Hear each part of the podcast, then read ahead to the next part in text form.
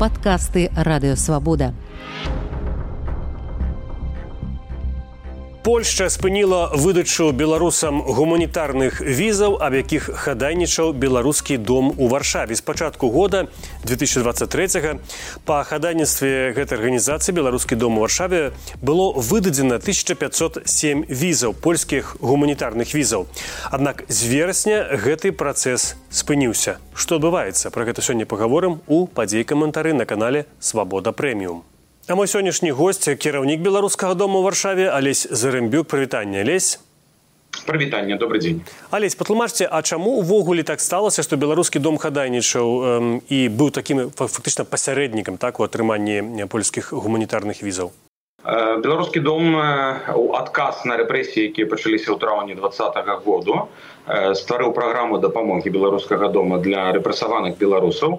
І ў рамках гэтай праграмы дапамогі у мы супрацоўнічалі все гэтыя тры гады больш за тры гады з міністэрствам замежных справаў Рэспублікі Польша.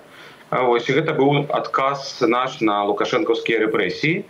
Асабліва пасля 9 жніўня два году трэба было вельмі хутка вырашаць візавыя пытанні і вельмі хутка вывозіць пацярпелых беларусаў з тэрыторыі Беларусі у Польшу. Тым ліку ў санаторыі якія мы для іх арганізавалі а таксама у лякарні.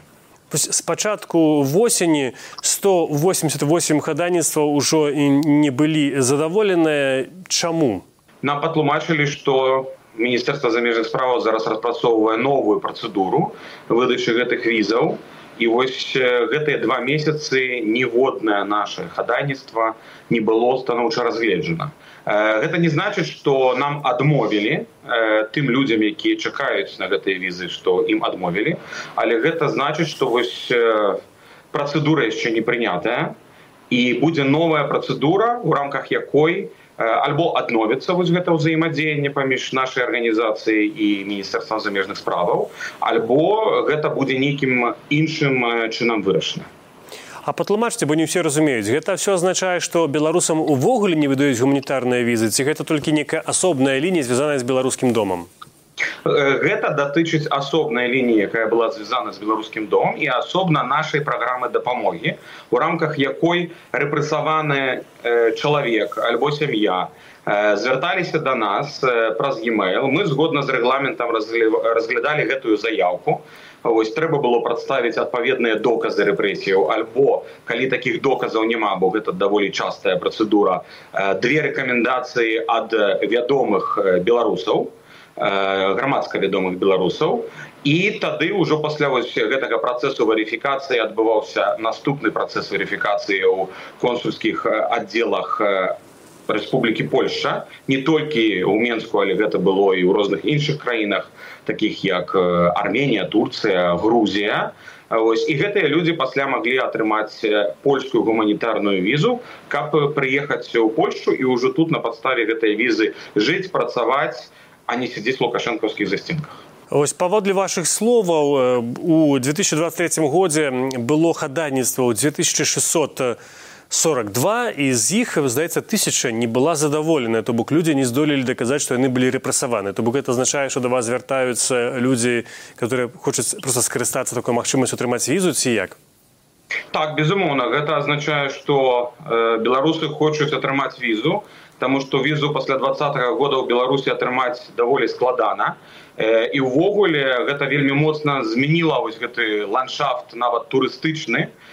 І вайна і падзеі пратэсты два -го году. І зараз беларусы замест таго каб ехаць у еўрапейскія краіны адпачуваць што было даволі масавым і ні для каго не сакрэт што аэрапорт вільні называлі мінск 2 аэрапорт варшаве мінск 3 тому что танныя авіялініі лётаюць з вільні з коўна альбо з варшавы. І беларуская моладзь беларускае грамадства вельмі моцна карысталася гэтым.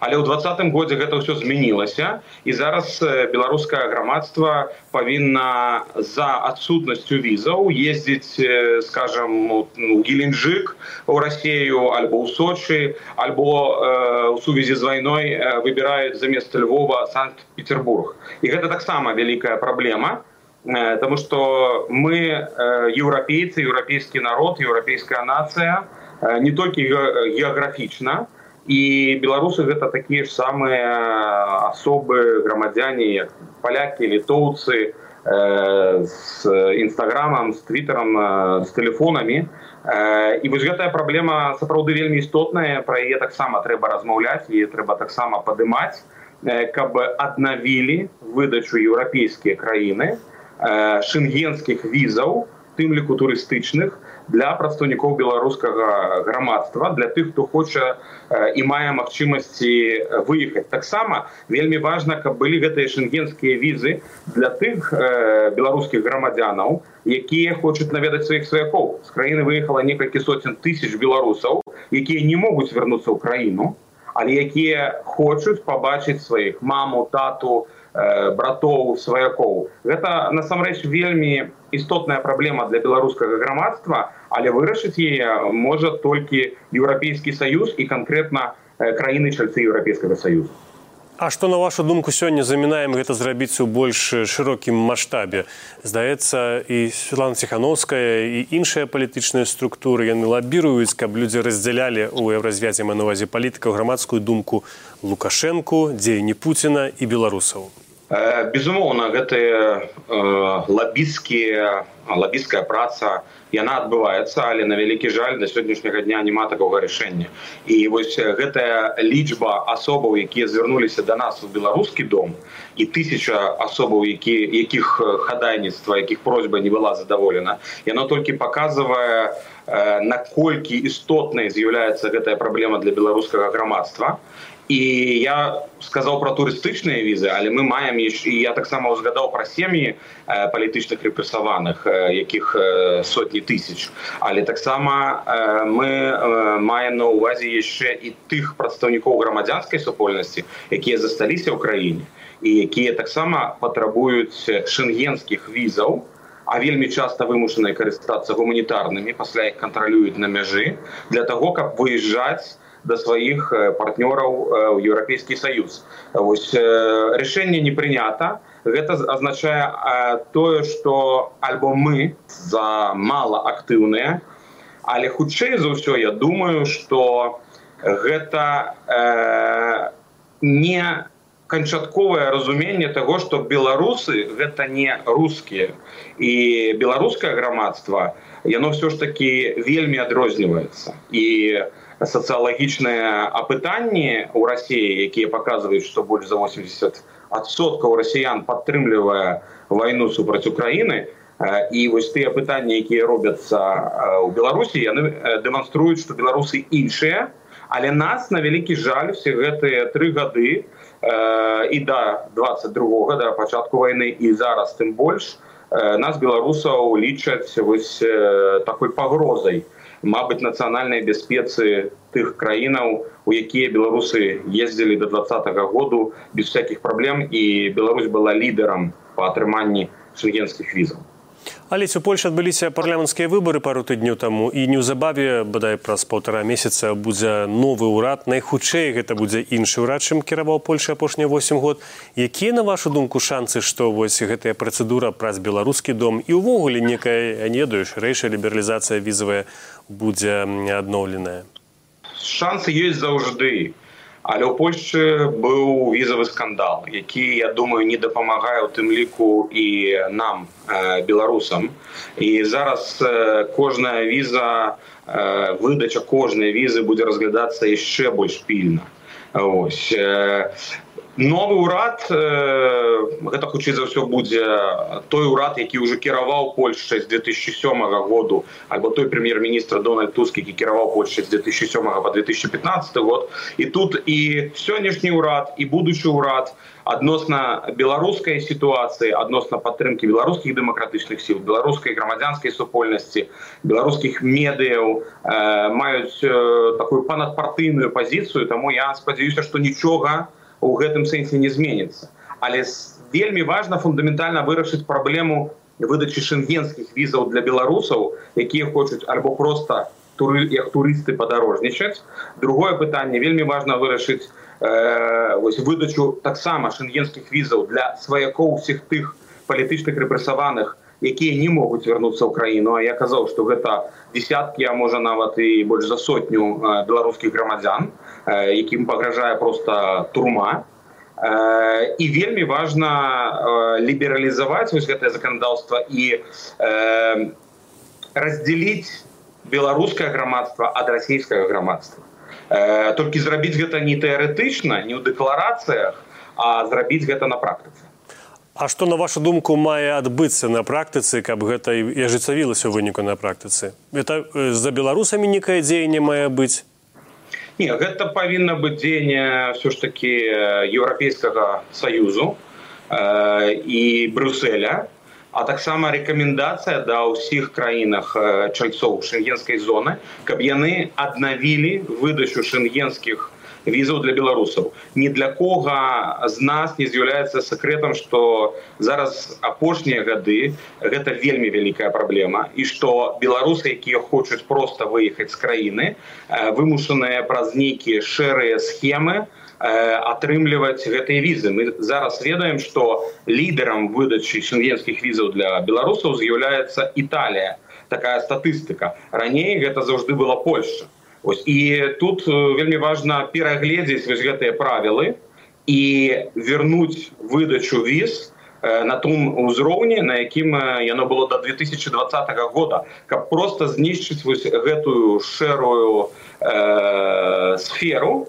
якой якая ёсць э, якой карыстаюцца махляры і э, якая не дазваляе беларусам больш бываць в Еўропе а змушае беларусаў ездзіць на адпачынак вывозіць сваіх дзетак на адпачынак у рассею Алесь вы зараз сказалі пра тое што наступны ўрад хутчэй за ўсё будзе праводзіць ідэнтычную палітыку адносна беларусі А ці на вашу думку тут ўсё ж такі нават у тых умовах якія зараз ёсць нават з тым кіраўніцтвам у беларусі якое ёсць ці не павінна быць некая змена гэтай палітыкі напрыклад каб бы вызваліць палітвязняў. Пра гэта і гавораць некаторыя палітычныя сілы апазіцыйныя але не да канца якія падтрымліваюць такі жорсткі курс санкцыйны напрыклад. Гаворыцца нават пра тое што магчыма сігналам такім бы для Польшы было б вызвалення напрыклад Анджея пачобута. І пасля гэтага вось бакі б зразумелі што у гэтай напрамку магчыма далей рухацца. Якая ваша думка? Гэта ізаляцыя не не ідзе на карысць ні аднаму з бакоў і вось гэты прыклад з турызмам у рассею гэта адзін толькі з прыкладаў зачыненая мяжа яна таксама не ідзе на карысць ніводнаму з бакоў але для таго каб гэтыя стасункі размарозіць каб пачаць вось гэты працэс нейкіх перамоваў першае павінны быць вызвалены палітвязні.